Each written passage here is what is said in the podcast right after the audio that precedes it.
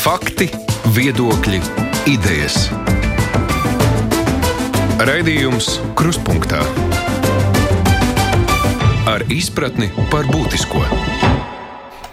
Aizstamsons studijā mums šodien raidījumā būs iespēja izvaicāt premjerministru Krišānu Kāriņu. Viņš ir attālināti pieslēdzies mūsu studijai. Labdien! Labdien!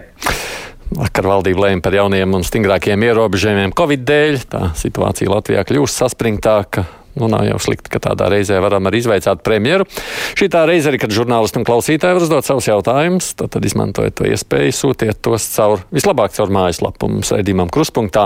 Var arī zvanīt šeit tiešo ēteru 6722 888, bet nu, es brīdinu, ka nu, šajā laikā man tiešām šajos mēnešos to klausulu pacelt ir diezgan ierobežots iespējas.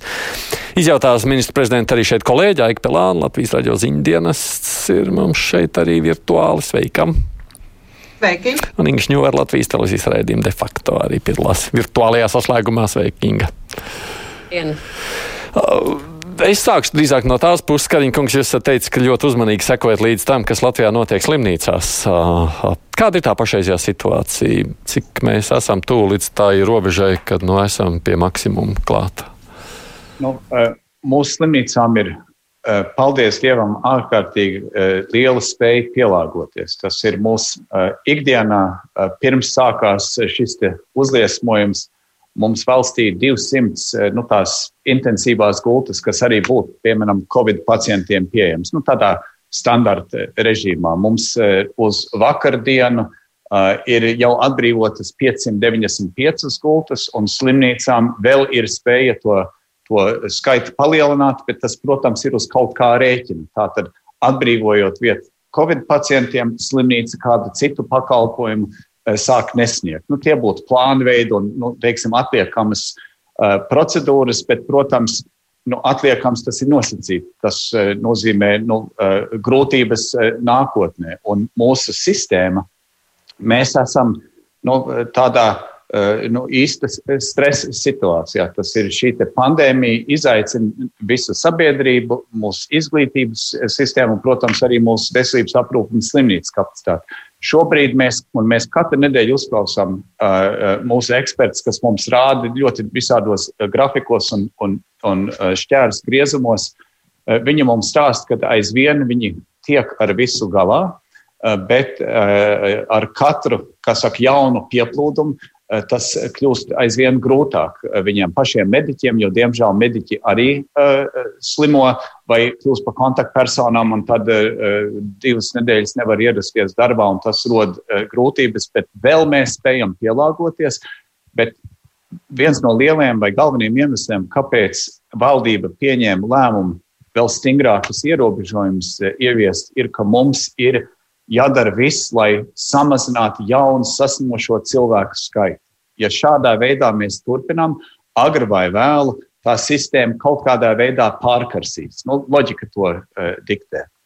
Mēs zinām, ka nepilni 15% no visiem saslimušajiem uh, nonāk slimnīcā uh, uz ilgāku vai, vai, vai īsāku laiku, kas nosalgo slimnīcas. Tātad, ja mums dienā 100 cilvēku saslims, tad gaidāms, ka nedēļas laikā apmēram 15 vai 14, 13 cilvēki tiks ievietoti slimnīcā. Tātad, ja mēs lasām, ka 500 cilvēki, nu, tad mēs eh, to matemātiku arī varam uh, uztaisīt, cik tad nonāks uh, uh, prognozējumi slimnīcā.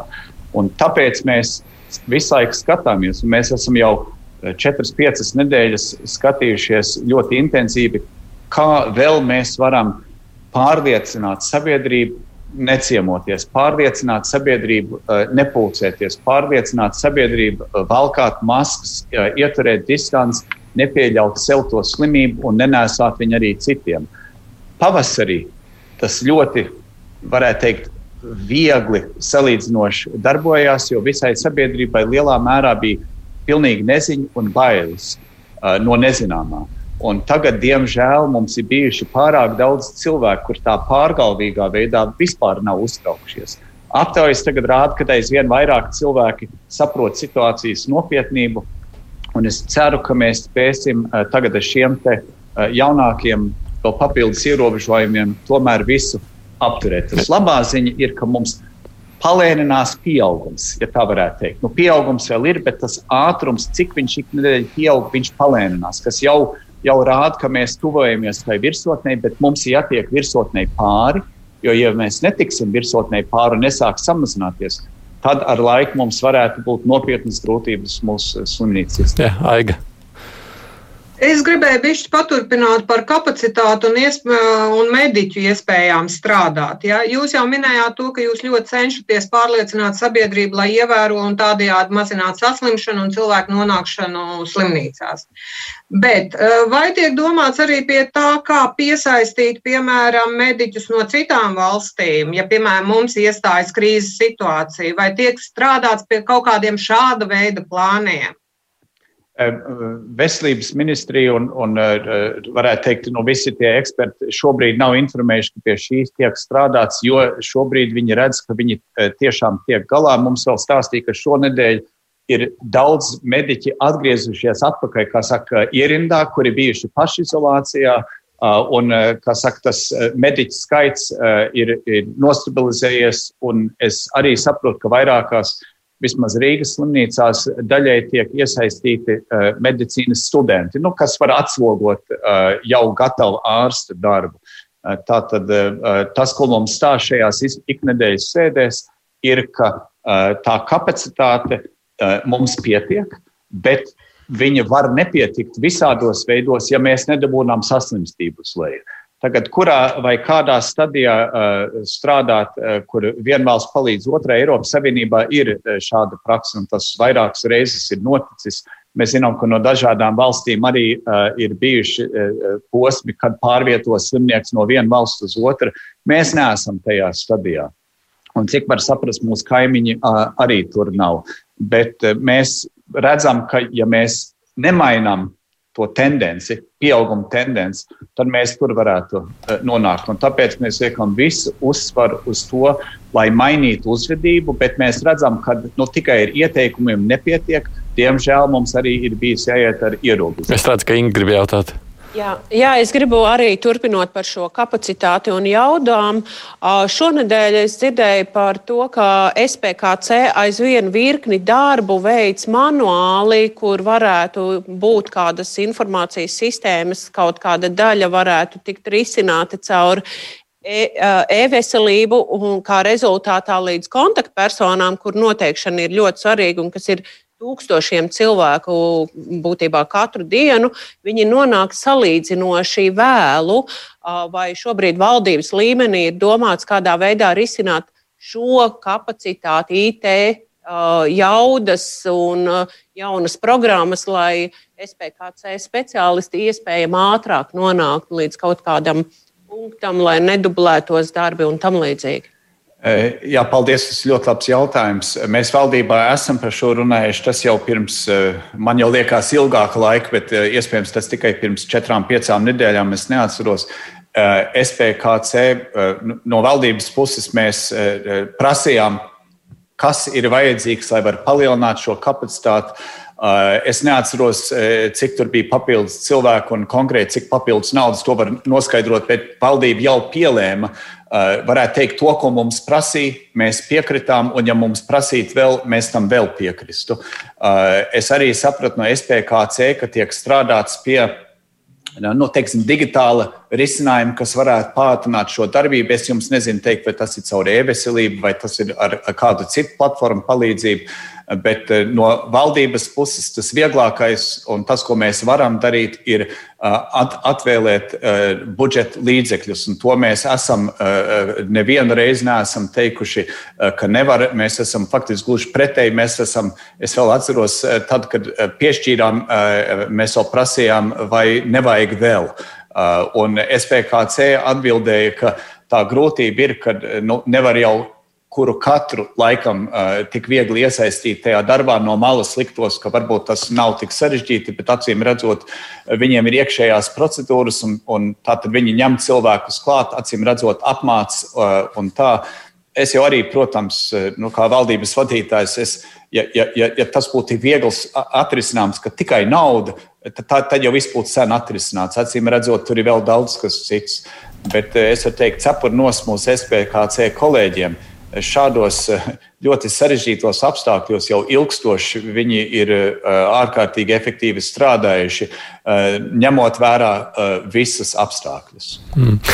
Ne, valdības Jā, vakardien valdības sēde ilga, ļoti, ļoti ilgi. Tas bija vairāk nekā 9 stundas gandrīz. Kas bija tie lielākie diskusiju objekti, par, nu, kas ievilka to laiku, jeb par ko valdībā tātad visvairāk bija strīdu? Vakar interesanti bija tas, mums reizēm tiešām ir bijuši strīdi. Vakar bija garas un diezgan izsmeļošas diskusijas par divām šķautnēm. Uh, Eh, gan par eh, eh, veselības ministrijas, nu, tā varētu teikt, darba grupas, tur no, no daudzām specialitātēm cilvēki klāt ir par šiem papildus ierobežojumiem, gan konceptuāli, kas tas ir, ko mēs mēģinām sasniegt. Un arī tad, nu, kā saka, punktu pa punktam, tur laikam trīs, četri lapušu garumā bija tie punkti, un par katru, nu, ne jau par katru gluži, bet tur bija daudz diskusijas. Eh, bet visgarākā diskusija bija par to, kādā veidā mēs varam stiprināt mūsu atbalstu, ekonomisko atbalstu tiem cilvēkiem, kuri tiek skarti vai nu Covid dēļ vispār, vai konkrētiem ierobežojumiem. Un tā mēs, mēs faktiski izmainījām mūsu uzņēmēju atbalsta programmu. Viņa bija pieņemta pirms vairākām nedēļām, eh, izsludinot ārkārtas situāciju, eh, ka viņi būs konkrēti tiem uzņēmumiem, kuri tiešā veidā skārti ar mūsu lēmumu tur slēgt, nu, piemēram, kafejnīcas vai ko tamlīdzīgu.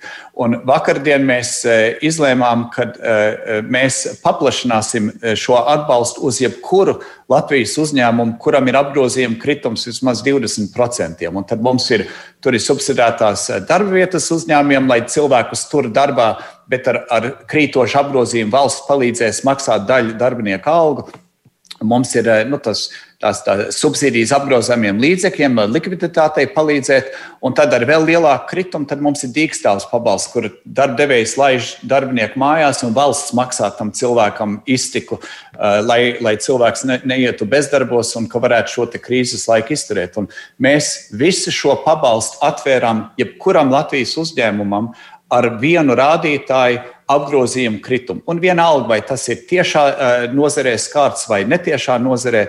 Un tas bija, tas bija tā debata, kā mēs varam vislabāk palīdzēt visai ekonomikai. Jo mēs saprotam, ka tā, tā grūtība ir pandēmija, ne jau valdības lēmumi kā tādi. Nu, tie ir atsevišķās nozarēs vairāk trāp nekā citiem, bet tā grūtība visai ekonomikai ir pandēmija. Un mēs, mēs faktiski atvērām to programmu daudz, daudz plašāk. Tur bija klāt arī mums no, no darba devējiem, Latvijas bankas eksperti arī klāt. Nu, tāda, tāda plaša, faktiski ļoti.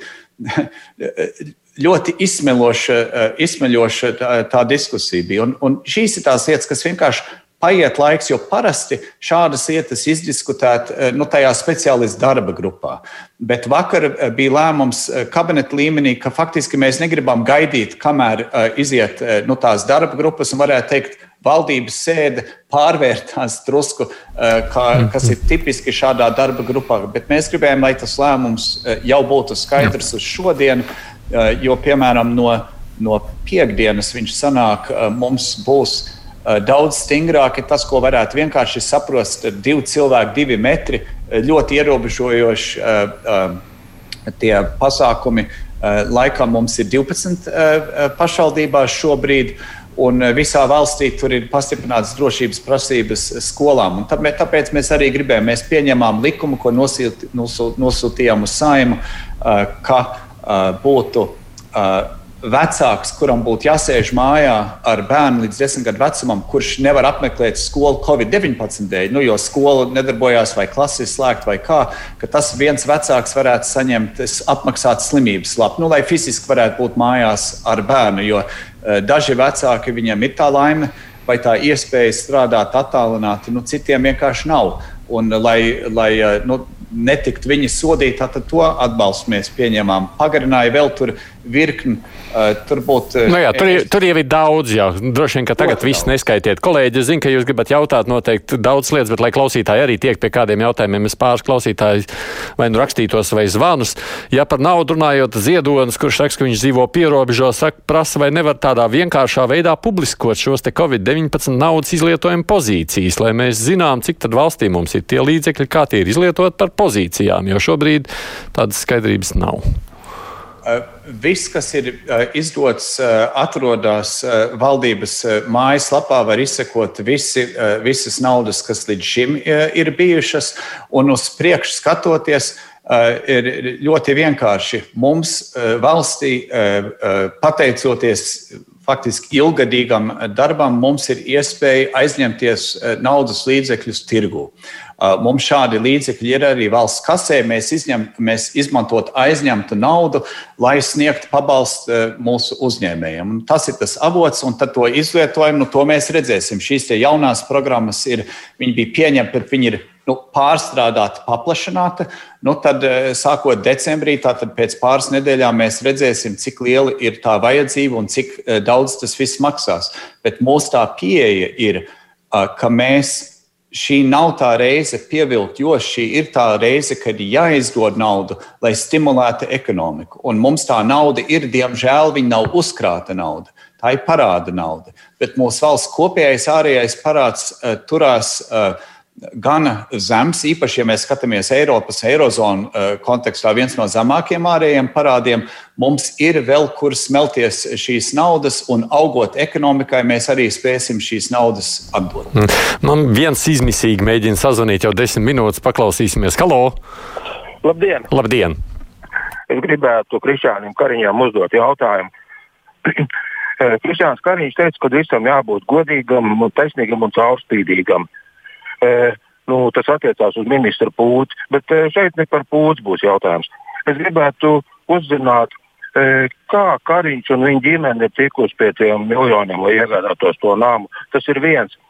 Nu, tālāk varētu neprasīt. Nu, izklāst, ka cilvēks grib dziļā vēsturē vēl aiziet atpakaļ, ko jūs esat kādreiz skaidrojuši. Jau.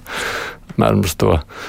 Es varu, bet var, varbūt nu, Tausonkungs, jūs... nosūtīt viņam cilvēkam, varbūt vajag vēstulīt ar linku, kurā varētu uzrakstīt, kur viņš var izlasīt šo. Man, man tas viss ir uzrakstīts ar, ar Facebookā, ja es nemaldos, var diezgan izsmeļoši.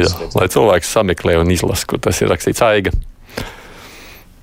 Jā, tad, kad otro reizi tika izsludināta ārkārtas situācija, pirms tās valdības um, arī finanšu ministrs un ekonomikas ministrs un arī pārējie teica, ka ir ļoti svarīgi, lai tā ārkārtas situācija nāktu ar atbalsta pasākumiem uzņēmumiem.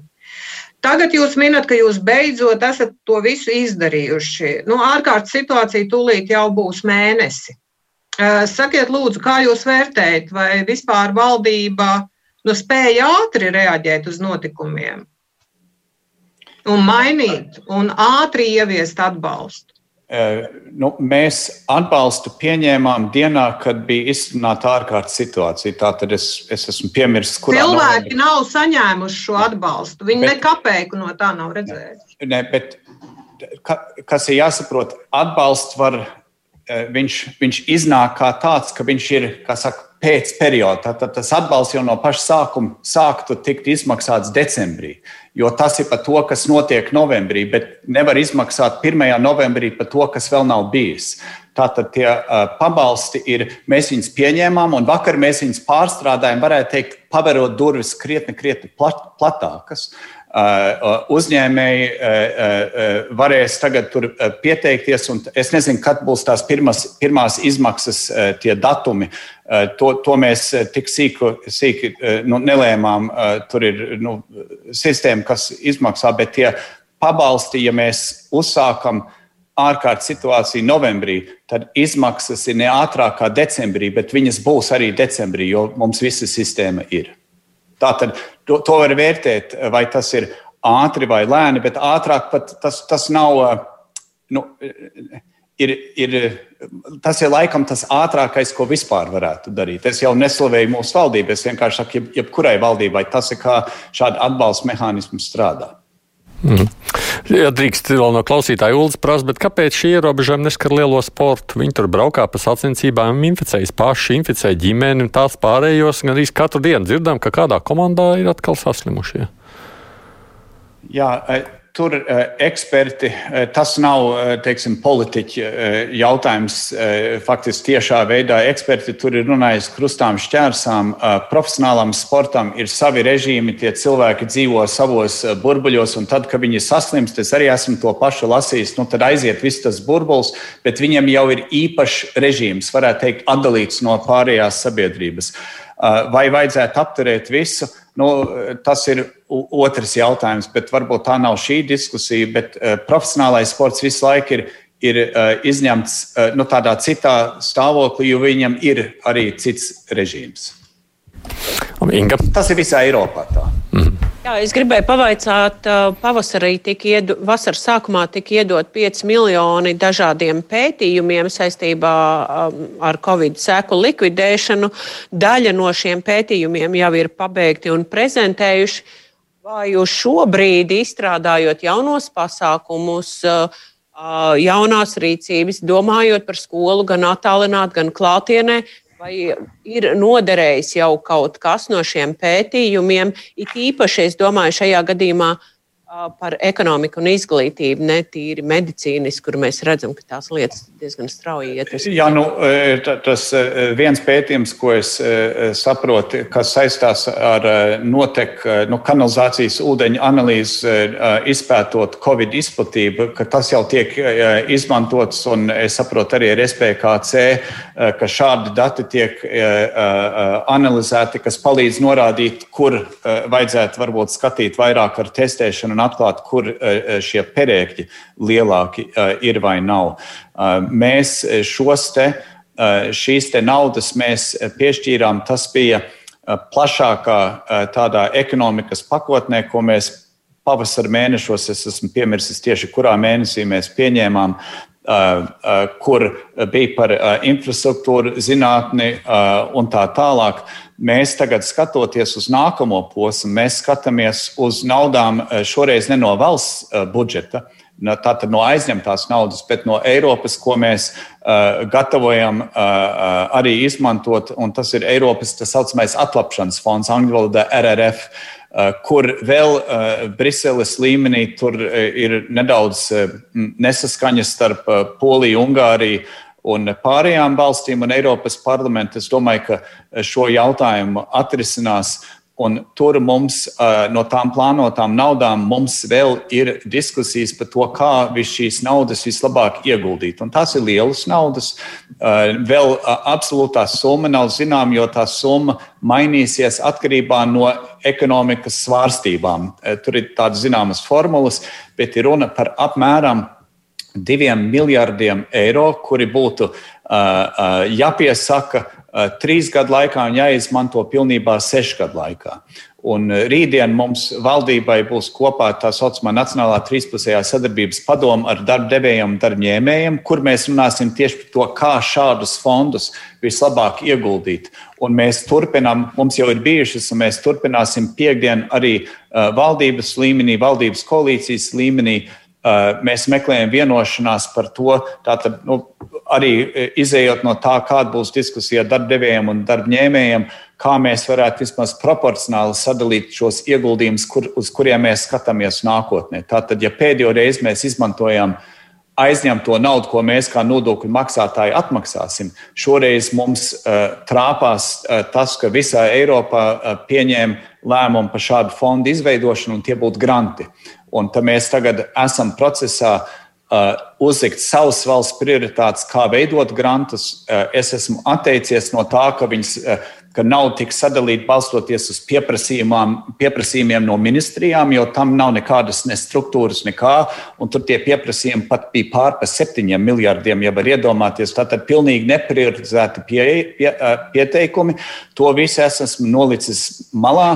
Mēs tagad tiksimies ar darbdevējiem, darbņēmējiem, runāsim par valstiskām prioritātēm, mēģinot viņus salikt kopā ar Nacionālo attīstības plānu mērķiem kuras mēs jau esam pieņēmuši, un tad politiskā līmenī, tas ir ministra kabineta līmenī, līdz galam izlemt proporcijas, un tad balstoties uz proporcijām, skatīties tajā 7 miljardu pieteikumu kaudzītē un izvēlēties projekts, kas atbilst mūsu valstiskiem mērķiem. Tātad tas ir sarežģīts process, ko es paskaidroju, bet es, es atsakos dalīt naudu balstoties uz es gribu bet uh, es, es gribu panākt, ka mēs to darām balstoties uz to, kas mums kā valstī ir vajadzīgs. Un gan jau katrs politiskais spēks sevi arī tur varēs īstenot. Jūsuprāt, tad tie pirmie pētījumi, kuriem tiek šogad iztērēti 5 miljoni, palīdzēs tās naudas sadalē? Es gribu saprast to pētījumu jēgu. Tā, tā pētījuma jēga, tā jēga, ka mēs meklējam, kur ieguldīt, bija faktiski tālējoša. Tas ir mēs saskatām, un arī ko mēs cenšamies darīt, ir pārveidot mūsu ekonomiku kopumā, lai viņa būtu balstīta uz, teiksim, uzņēmumiem, kur ir, ir dārgāka preci un pakalpojumi, kas var atļauties maksāt lielākas algas, tā saucamā lielākā pievienota vērtība, un mums ir ilgstoša grūtība, ka mēs zinātni nespējam pietiekami labi iesaistīt ekonomikas apritē. Tā kā zinātne notiek savā burbulītī un ekonomika rit paralēlā.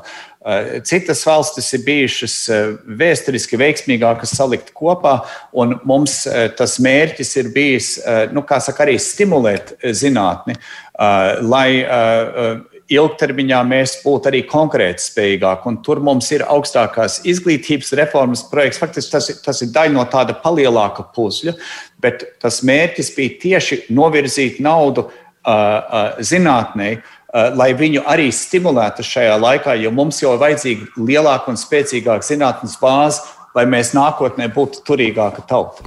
Es atgādinu, šeit ir tāda iespēja mums šodien izjautāt premjerministra Krišānu Kāriņu. Divas mūsu kolēģis arī ir pieslēgušās rēdījumam, tā ir Aika Pelāna un Inga Šņori, nu, un arī klausītāji jautājumi. Raidījums Krustpunktā skatoties uz to, ko te ļaudis man arī raksta vai jautā, kā jūs saredzat mazo uzņēmumu pastāvēšanu un attīstību tad tuvāko gadu laikā, skatoties uz to pašreizo situāciju, prasa Zalstiņas kundze. Es domāju, ka mūsu valstī būs lieli, vidēji un mazi uzņēmumi. Kā ir šodien, tā būs arī rīt. Protams, mums būtu labi, ja mums būtu vairāk tādu uzņēmumu, kas strādā nu, augstākās tehnoloģijās eh, ar, ar lielākām algām, bet vienmēr būs vieta eh, maziem uzņēmumiem. Eh, mēs, tas, ko mēs ceram vairāk gadu garumā panākt, ir tāda vienkāršota sistēma ar netik daudziem režīmiem. Mums būtu standarta režīms un alternatīvais režīms. Un alternatīvā režīmā būtu divi paveidi - tātad nodoklis pēc apgrozījuma, darījuma konts, vienkāršoti sakot, vai nodoklis pēc atskaitījuma, nu, līdzīgi kā šobrīd ir saimnieciskā darbība. Un tad tikai valdībai vai nākotnes valdībai būtu jārunā par to, kāds ir procents. Bet šādi mazie uzņēmumi, tie, kas bieži ir alternatīvā režīmā strādājošie, tie, tie ir un tie būs.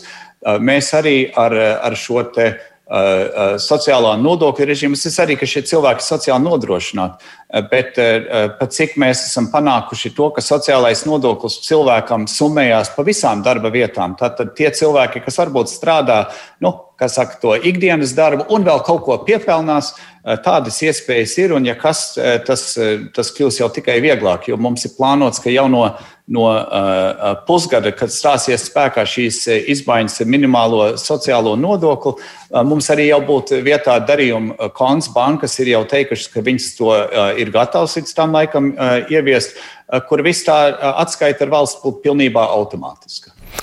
Pirms es aigāju dot vārdu, tikai jautājumam, mēs, man jaunākā statistika, kas ir parādījusies, tad ir saslimuši vakar 580 inficētie, kas nozīmē, ka pagaidām tam kalniņam pāri mēs joprojām netiekam aiga. Es gribētu atgriezties pie tiem diviem miljardiem, kuru sadalē mums būtu ļoti svarīga. Uh, jūs jau minējāt to, ka jūs neņemsiet vērā to īsti, ko ministrijas sasniedz iekšā ar šiem pieprasījumiem un ko viņas gribēja. Tagad iesiet citu ceļu. Kad tad būs skaidrs, kam mēs to naudu tērēsim, kas ir tās prioritātes, uh, nu, kas ir, kaut vai kas ir tās prioritātes, ko jūs uzskatāt par uh, vajadzīgu šajā, ar šiem diviem miljārdiem atbalstīt? Nu, tās prioritātes jau nav tikai man, nav tā, ka es te izdomāju, un, un, un tā viņš ir. Tā ir sadarbība arī ar Eiropas komisiju. Eh, tas, ko mēs esam runājuši, tas, ko mēs arī runāsim ar sociālajiem partneriem, ka mums būtu eh, laikam seši galvenie novirzieni, eh, kur naudu ieguldīt. Divi no tiem novirzieniem ir jau naudas devēji, tātad Eiropas komisija noteikti.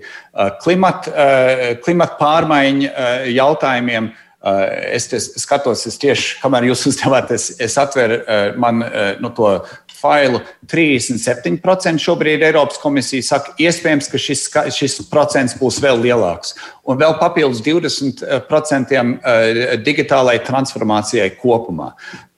Un tātad tur jau ir 57% eh, vairums naudas jau ir nozīmēta, un tad mēs vēl skatāmies uz tādu eh, lielāku tēmu, kas būtu eh, virsraksts, tāda nevienlīdzības samazināšana, zem kura mēs gribam atvēlēt naudas, lai varētu īstenot administratīvu teritoriālo reformu. Tātad tur tā skaitā varētu būt ceļu infrastruktūra, kas savieno jaunos reģionus un tā tālāk. Tad mums tie, tie lielie burbuļi apmēram mums ir zināmi, bet kādas procentus, kurā, kurā no, novirzienā tas mums vēl nav vienots. Tad mājas necelsim jaunas par šo uh, naudu. Nē, man liekas, ka par šo naudu pat māja ir tā tas izaicinājums ir tas, ka Eiropas komisija uzliek stingrākus, eh, tas ir eh, šaurākus vai stingrākus ierobežojumus naudas izmantošanai kā daudzgada budžetā. Un, eh, teiksim, māja celtniecība nav viena no šīm lietām, bet tas, ko valdība jau ir lēmusi, mēs jau pieņēmām lēmumu pirms pāris nedēļām, kad ar Altumu tātad. Nu, nosacīta ar valsts eh, atbalsta eh, mehānismu. Tas nav gluži banka, eh, bet viņi sāk jau lēnām no zināmas iezīmes uz to paņemt, kad ar altuma palīdzību mēs varēsim piedāvāt uzņēmumiem uh, ilgāka termiņa aizdevumus. Nu, tur 15 gadīgas, laikam pat līdz 20 gadīgiem aizdevumiem, kurus šobrīd no komercbankām nevar nodrošināt. Izsniedz parasti 5 gadu aizdevums ar atmaksas grafiku, it kā būtu 15 gadi, bet draud, ka jebkurā brīdī var prasīt visu naudu atpakaļ. Un tieši māju celtniecība, mājokļu celtniecībai, kas ir reģionā, Tieši šādi aizdevumi mums ir uzņēmumi ir, ir, un uzņēmēji ir ilgstoši teikuši, ka šī grūtība Mēs ar komercbankām eh, ilgi eh, mēģinājām vienoties, eh, līdz galam viņas vēl nepiekrita, bet izmantojot šo altumu instrumentu, mēs jau negribam valsts konkrēti ar komercbankām. Mēs gribam, lai komercbankas pild to nišu, kas viņiem būtu pienāktos. Bet jo mēs redzam, ka viņas pašas nepiedāvā šo, tad mēs ieliekam valsts uh, nu, palīdzību arī šeit. Un tas ir kā mēs tiksim pie mājokļiem. Mēs veidojam sistēmu. Lai privātais sektors būvē, un ja viņam tā nauda būs pieejama, un tas ir jau pierādījies Siguldā un citur, tur, kur var aizņemties naudu, tur būvē mājokļus. Kur nevar aizņemties naudu, tur nebūvē mājokļus. Un tagad ar šo jauno programmu varēs pa visu Latviju uh, aizņemties, ja tik tas projekts ir uh, uh, nu, tiešām īsts projekts. Es pamēģināšu arī pacelt klausuli atkal. Halo! Labdien! Labdien. Drīkstētu parunāt? Nevis parunāt, bet vai jums ir jautājums? Jā, jā, jautājiet. Jautājiet, jau. jautājiet, jautājiet, jā. Ministra prezidenta kungs, šī tāda lieta. Es esmu pensijā desmit gadus. 72 gadi man ir. Katru gadu iet budžetā no manas nodokļiem kaut kur pie 5000. Katru gadu man bija pensija sākās ar 80 uh, e, eiro. Nu, latiem, ja? Un tagad katru gadu man pa 5, 7 lati nāk klāt. Tagad jāiet bezdarbnieki. Ja? Strādājušam pensija, pensionāram bezdarbnieku nedod. Ļoti interesanti. Mm. Cilvēks ļoti konkrēti par savu personisko sāpju prasījums. Jā, e, es e, atzīšos, es esmu arī tikai cilvēks. Es nespēju uh, pilnīgi visu, kā saka, to orientēt. Es neesmu labklājības ministrs, kas zinātu atbildēt, bet es zinu vienu lietu teikt, ka mēs arī šogad budžetā paredzam uh, palielināt minimālās pensijas, laikam vispār pensijas iet uz augšu. Mūsu valstī ļoti liels izaicinājums ir tas, ka mums ir um, salīdzinoši maz strādājošo pret nestrādā, nestrādājošajiem. Varētu teikt, mums ir 900 tūkstoši strādājošo un 900 tūkstoši nestrādājošo. Tā tad vai nu pensionāri, vai bērni, vai nu, citi. Un, tas nozīmē, ka uh, mums mm. ir, uh, uh, lai palielinātu teiksim, pensijas par mazu summu, uh, tas prasa ļoti daudz naudas, jo vienkārši ir skaitliski daudz. Ne, mēs pie tā strādājam. Ja drīkst, es, un, jā, palielināt. ja drīkst, es šajā ziņā gribētu citu kont kontekstu tikai pateikt. Mums labklājības ministrs nenāk uz Latvijas radio šo raidījumu kruspunktā un neatbild uz jautājumiem. Mums ir bijuši vairākas reizes neveiksmīgi centieni viņu dabūt, lai viņi varētu atbildēt uz šiem jautājumiem. Varbūt, ka jums ir iespēja aprunāties ar ministru. Es, sacīt, lai... Nākamreiz, kad runāšu ar viņu, es pieminēšu. Citādā klausītājiem jāuzdod ir jums šis jautājums, Inga.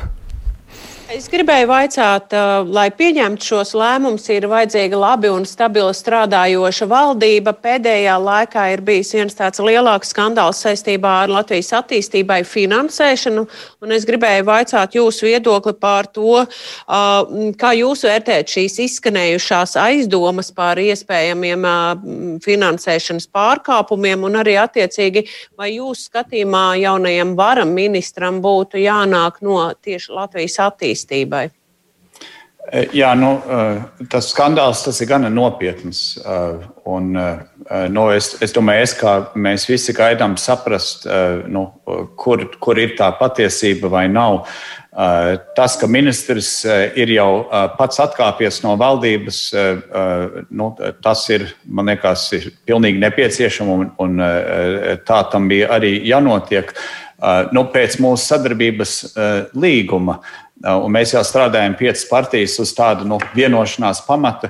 Mums ir šī apvienība, eh, kas eh, saimā tika ievēlēta eh, attīstība, Latvijas attīstība un, un attīstība par, un viņam vēl bija trešais partneris. Es pēkšņi piemirstu Skridkunga to partijas. Es tiešām atvainojos viņam un viņa partijas biedriem.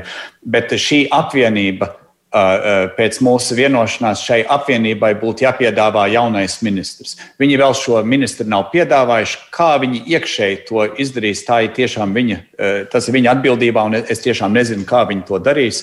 Un tad nu, vērtēsim, kad tiek piedāvāts jaunais kandidāts, nu, tad mēs viņu visi vērtēsim. Kā jūs kopumā vērtējat valdības to stabilitāti un sazobi starp ministriem, ja tā var izteikties? Es teikšu tā, no pirmās dienas nav bijis viegli. Nu, zin, tā latviešu izsakoties drusku atturīgi. Uh, un reizēm pat ir šķitis grūti, uh, kas nozīmē, ka tiešām ir, ir bijis grūti.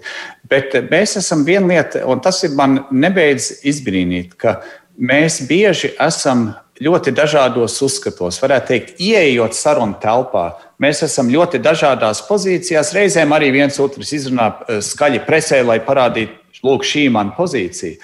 Bet neskatoties uz to visu, mēs līdz šim esam pierādījuši ļoti lielu spēju beigās vienoties.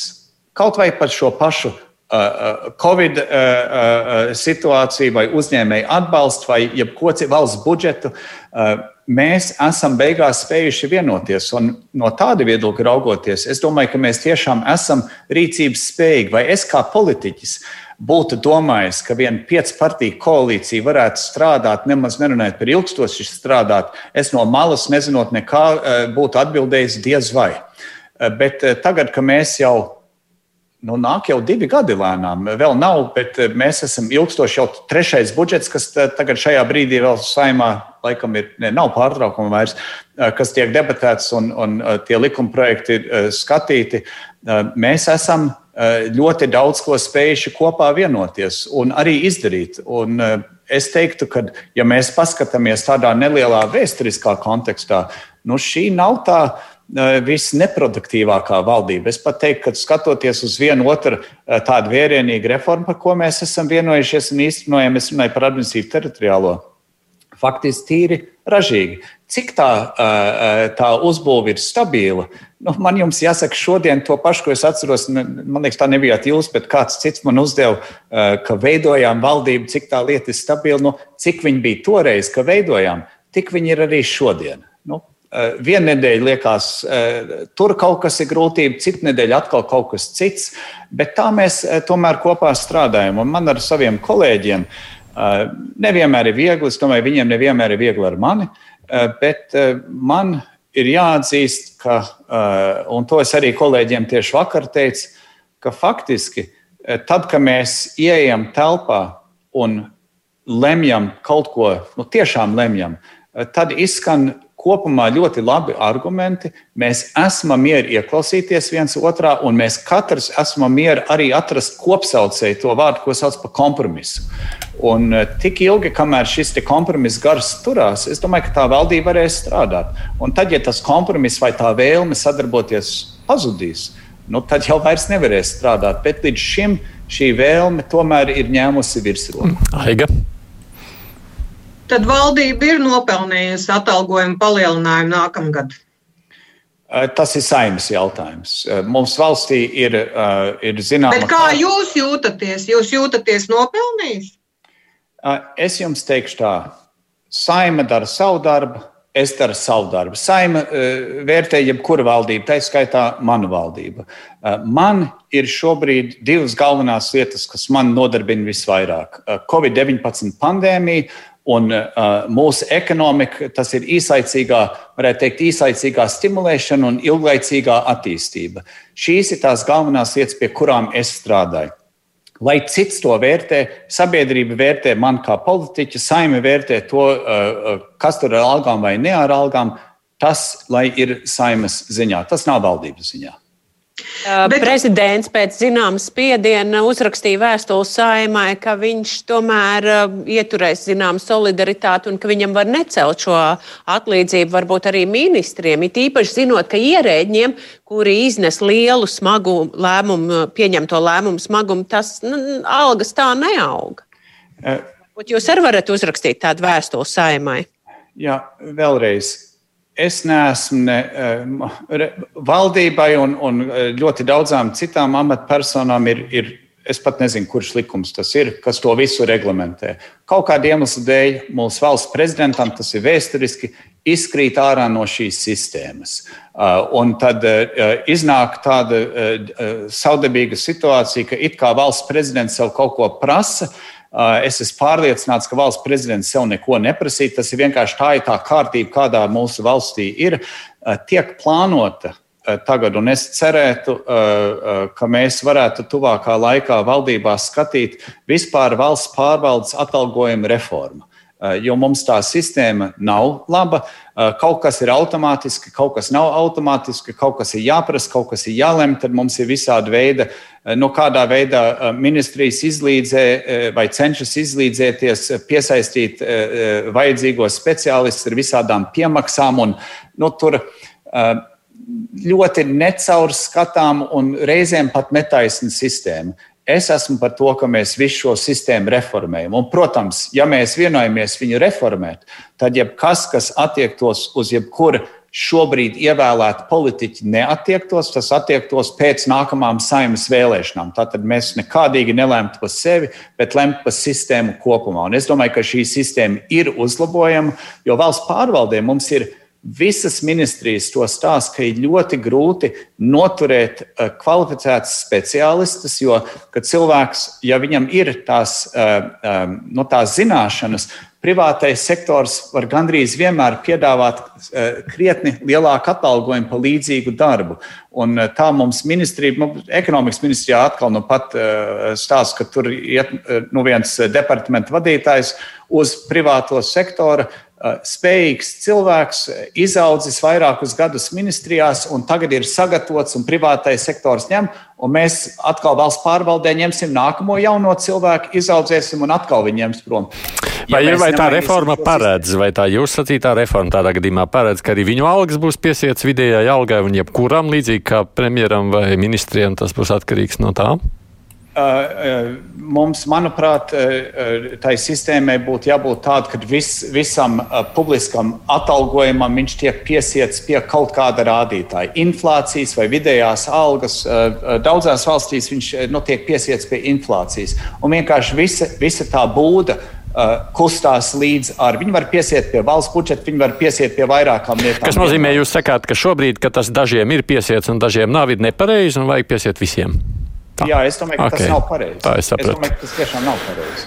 Uh, ja es varētu skatīties, ko vēl klausītāji raksta, nu, te daži dažādas, jā, visur jau trūks cilvēks. Te viens klausītājs saka, tiešām tā problēma jau nav tikai vienā konkrētā vietā. Uh, Reiz par citiem tematiem te jautā. Tad Melita prasa, kas tiek darīts, lai novērstu vardarbību ģimenē. Īpaši tādā Covid laikā šīs izolācijā esošais burbulis vai kaut kāda līdzekļu programmas jūs grasāties veltīt arī šim tematam? Jā, vispār tas ir tāds trāpīgs jautājums. Šodien laikam ir starptautiskā diena no vardarbībai pret sievietēm, kur pievērš uzmanību šai problēmai, kas ir faktiski visā, visā pasaulē, diemžēl arī pie mums.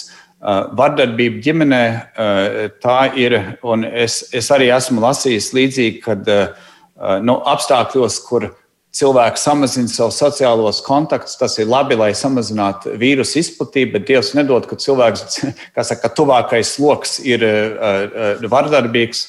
No nu, tur mums valsts policija iesaistās, tur dažādi dienesti. Es domāju, ka šis ir ļoti pareizs jautājums. Un eh, es labprāt meklētu, kā mēs, kā valdība, varētu šai tēmai vairāk pievērst uzmanības. Ir, ir tādas simboliskas lietas, kā pievienošanās starptautiskām konvencijām, eh, kur eh, es esmu par to, ka mēs pievienojamies un ratificējam to saucamo Stambulas konvenciju, kas vienkārši skaidri norādītu, kur Latvija stāja, ka mēs esam skaidri un gaiši pret šo vardarbību. Saimā šāda vairākuma šobrīd nav. Es domāju, ka tas tikai laika jautājums, vai šajā saimā vai nākamajā saimā, gan jau mēs līdz tam nonāksim. Tie vairāk tādi simboliski soļi. Bet par konkrētiem soļiem es, es, es gan gribētu būt zinīgāks un gudrāks. Es neesmu.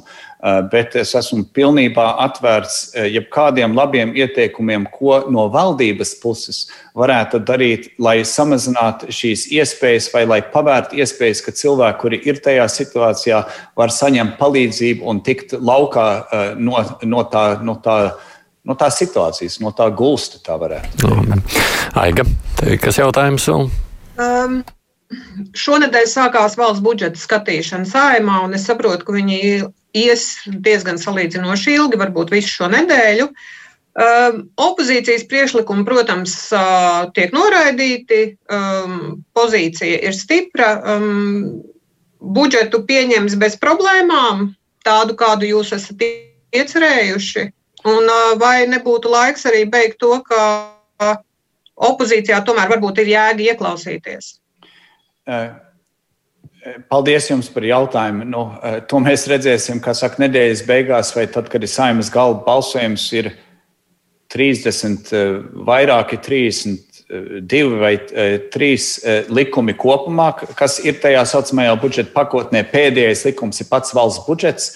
Laikam, nu, pirms mums sākās raidījums, vēl bija palikuši kādi pieci likumi, bet tie ir tādi nu, kas izraisa vislielākās uh, diskusijas, es domāju. Uh, Tātad tas process vēl varētu paiet.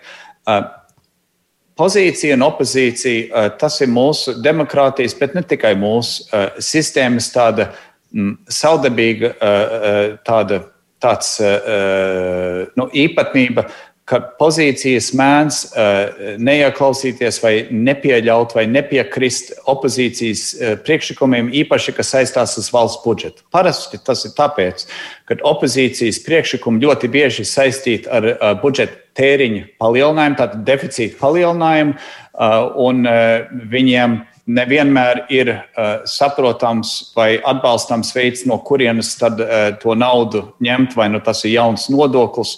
Uh, uh, nekad jau nepiedāvā kaut ko nedarīt uh, un darīt ko citā vietā. Parasti tas ir tikai jaunas naudas uh, izveidošana. Bet Latvijas gadījumā, un šeit es sapratu pēc man nu, vienas sarunas ar ar uh, Emmanuelu Makronu, un Francijas prezidentu, tad, kad viņš Rīgā bija. Mēs diezgan daudz dabījām runāt, vairāk nekā parasti mūsu Eiropa padomēs sanāk. Tur mēs esam daudz, tie mēs bijām divi. Un uh, viņš man prasīja, uh, kā es tiek galā ar masu protestiem. Un tad es sāku domāt, ka tur ir viena fundamentāla atšķirība starp prezidentālu varu un uh, parlamentāru varu. Uh, Francijā visa vara ir viena cilvēka rokās, kurš var pat vienpersoniski pieņemt likumus bez parlamenta. Nu, ne visas, bet viņš var. Tātad, ja grib, lai Makrons ieklausās, ir tikai viena iespēja iet demonstrēt uz ielas, jo tur nav citi viedokļi kā Makrona viedoklis. Mūsu valdībā un valstī un koalīcijā man ir ne tikai piecas partijas, man ir burtiski visas lobby intereses pārstāvētas pat manā ministra kabinetā.